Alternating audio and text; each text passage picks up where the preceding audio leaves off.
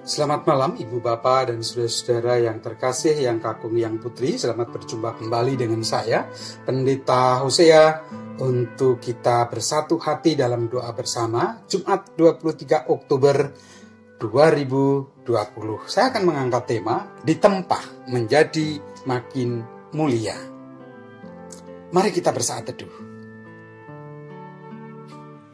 Bacaan Alkitab kita dari Lukas 12 ayat 49 sampai dengan yang ke-53. Namun saya akan membacakan ayat yang ke-49 sampai dengan yang ke-51 saja. Demikian. Akan datang Aku datang untuk melemparkan api ke bumi. Dan betapakah Aku harapkan api itu telah menyala. Aku harus menerima baptisan. Dan betapakah susahnya hatiku sebelum hal itu berlangsung. Kamu menyangka bahwa aku datang untuk membawa damai di atas bumi, bukan kataku kepadamu, bukan damai, melainkan pertentangan. Ibu, bapak, dan saudara, Secara keseluruhan, perikop ini diberi judul Yesus membawa pemisahan. Jika kita memperhatikan judul tersebut, mungkin kita akan mengatakan, "Ah, tidaklah." Tetapi mungkin juga ada sementara kita yang berpikir dalam keraguannya, "Jangan-jangan iya ya?" Hmm, sambil mengerutkan kening dan menerawang jauh. Baik, Ketika kita memperhatikan judul maupun perikop bacaan di atas, jangan kita berpikir Yesus membawa pemisahan. Betul, melemparkan api, tidak membawa damai, berarti membawa kacau, bukan damai sejahtera. Jangan Janganlah kita berasumsi bahwa Yesus menjadi provokator agar terjadi perpisahan, kehancuran, kerusakan. Bukan. Mungkin Bapak, Ibu, dan saudara juga bertanya, lalu apa maksud dari perikop ini ditulis dan diberitakan? Mari kita singkirkan sejenak pikiran dan asumsi-asumsi yang ada di benak kita yang mungkin mengganggu dan merisukan. Mari dengan tenang dan dengan hening kita renungkan lebih dalam. Ibu Bapak, Matius menyaksikan bahwa Yesus adalah Sang Immanuel. Allah menyertai kita atau Allah beserta kita. Allah menyertai manusia dan Yohanes juga menegaskan bahwa dialah benar-benar juru selamat dunia. Yohanes 4 ayat 42 dan 1 Yohanes 4 ayat 14 Juru selamat dunia. Juru selamat siapa saja? Nah, pertanyaannya, apakah semua dunia manusia pasti terbuka dan menerimanya? Atau Adakah yang tertutup dan menolaknya? Nah, jika dalam satu keluarga ada anggota keluarga yang yakin dan percaya sehingga menerima Tuhan Yesus sebagai juru selamatnya, dan dalam hidupnya teladan Kristus menjadi teladannya, teladan dalam hidupnya. Akan tetapi, ketika anggota dalam keluarga yang sama itu belum terbuka atau dengan terus terang menolak adalah haknya. Namun kita bisa melihat dengan jelas bahwa dalam keluarga itu terjadi pertentangan. Ada perbedaan pendapat.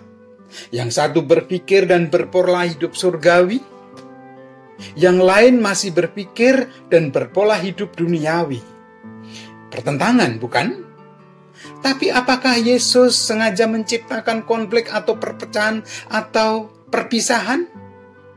Kehadirannya mendatangkan respon yang berbeda antara satu dengan yang lain. Ya, dipersilakan, tidak apa-apa. Respon yang bertentangan, ya silahkan. Sehingga terjadi perpisahan antara satu dengan yang lain.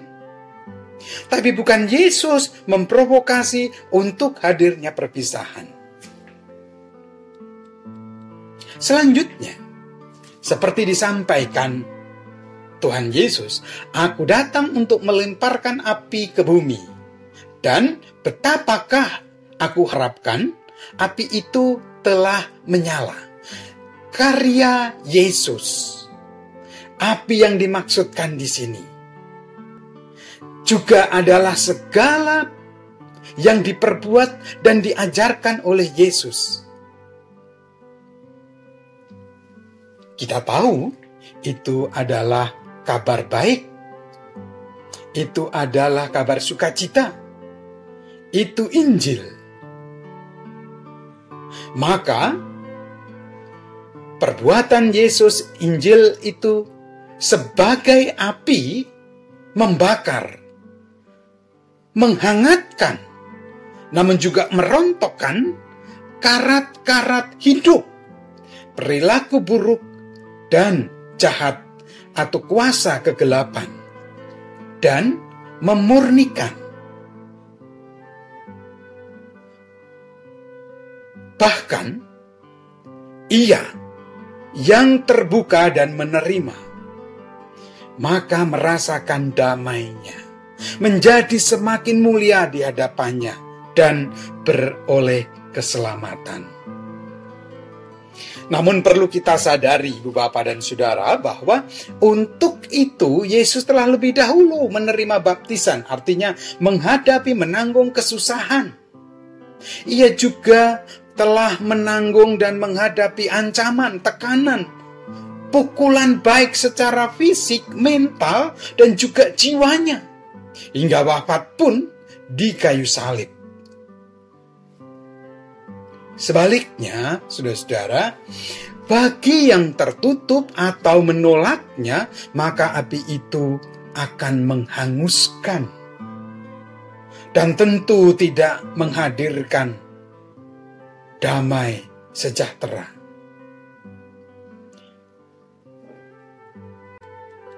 Sebagai orang percaya, kadang pandemi ini juga terasa sebagai pukulan dan tempaan yang berat tidak mengenakan. Akan tetapi, Ibu Bapak, ketika kita tetap percaya menghadapi dan mengelola semuanya bersama Dia, yang berkenan menyertai dan tidak membiarkan, yang berkenan lebih dahulu menanggung kesusahan, memberi diri dibaptis, menghadapi, menanggung penderitaan, maka kita juga akan semakin dimurnikan, dimuliakan, maka mari terus melangkah. Menghadapi tempaan ini, biarlah kita menjadi semakin mulia dan murni sebagai anak-anaknya, sebagai sahabatnya yang sejati, sebagai kawan sekerjanya. Amin. Mari kita bersatu di dalam doa kita awali dengan doa Bapa kami. Bapa kami yang ada di surga, dikuduskanlah namamu, datanglah kerajaanmu, jadilah kehendakmu di bumi seperti di surga. Berikanlah kami pada hari ini makanan kami yang secukupnya, dan ampunilah kami akan kesalahan kami, seperti kami juga mengampuni orang yang bersalah pada kami. Janganlah mbak kami dalam pencobaan, tapi lepaskanlah kami daripada yang jahat. Karena engkaulah yang punya kerajaan, kuasa, dan kemuliaan sampai selama-lamanya. Puji dan syukur kami panjatkan kehadiratmu ya Allah. Engkau senantiasa membimbing kami. Baptisan yang Tuhan telah tanggung. Engkau berkenan kami rasakan, kami alami melalui pandemi ini kami bersyukur atas itu.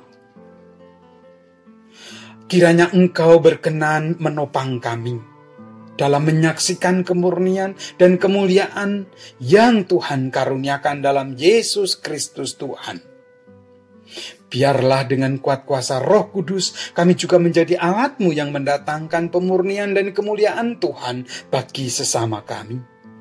Terlebih dalam situasi yang berat, di mana orang mudah terbakar, terseret, namun tidak siap untuk menerima pemurnian diri. Tuntunlah kami ya Tuhan, dalam pengasihanmu kami mohon Tuhan dengar dan kabulkanlah doa kami. Ya Tuhan, mampukanlah kami menjadi pelaku firman-Mu di tengah-tengah kehidupan menghadapi pandemi, menerima dan mengelola pergumulan, kesusahan, serta tekanan, namun juga di dalamnya harapan untuk melaluinya. Kuatkan dan mampukan kami menghadapi dan menyikapi situasi pandemi ini sebagai cara Tuhan hendak memurnikan hati kami. Dalam mengikutmu ya Yesus. Memurnikan hati kami dalam melayani Tuhan. Memurnikan kami sebagai kawan sekerjamu. Memurnikan diri sebagai dupa yang harum di hadapan Tuhan memurnikan diri dalam hal yang lain. Dalam mengasihimu dan mengasihi sesama kami. Dalam pengasihanmu, kami mohon, Tuhan, dengar dan kabulkanlah doa kami. Kepadamu ya Allah kami berdoa dan mohon berkat Tuhan untuk saudara-saudara kami yang kecewa dan tidak puas dengan upaya pemerintah membuat kebijakan dalam rangka menghadirkan keadilan dan mensejahterakan rakyat Indonesia. Terlebih terkait dengan penetapan Undang-Undang Cipta Kerja atau Omnibus Law maupun kebijakan-kebijakan yang lain Mampukan setiap kami warga negeri ini untuk bertumbuh dan memiliki kebijaksanaan. Mampu menguasai diri dalam menyikapi semua itu. Terangi dan sadarkanlah agar tidak membiarkan diri larut dalam kekecewaan, kekhawatiran, berpikir dan bertindak egois, memikirkan dan berlaku untuk kepentingan atau kelompok sendiri. Rubahlah dengan kuat kuasa rohmu sehingga memikirkan orang lain juga. Gerakkanlah hati dan pikiran pada keterbukaan atas realitas yang berkembang dan membuka diri untuk mendukung bersama pemerintah mewujudkan keadilan dan damai sejahtera bagi rakyat Indonesia. Tuntunlah pula setiap umatmu warga negeri ini untuk menyadari susah dan tidak mudahnya mengelola situasi ini merupakan cara Tuhan untuk membawa bangsa ini pada keadaan yang lebih baik bahkan juga bagi bangsa lain di muka bumi. Menghadirkan kemuliaan bagi bangsa dan negara Indonesia dalam pengasihanmu, kami mohon.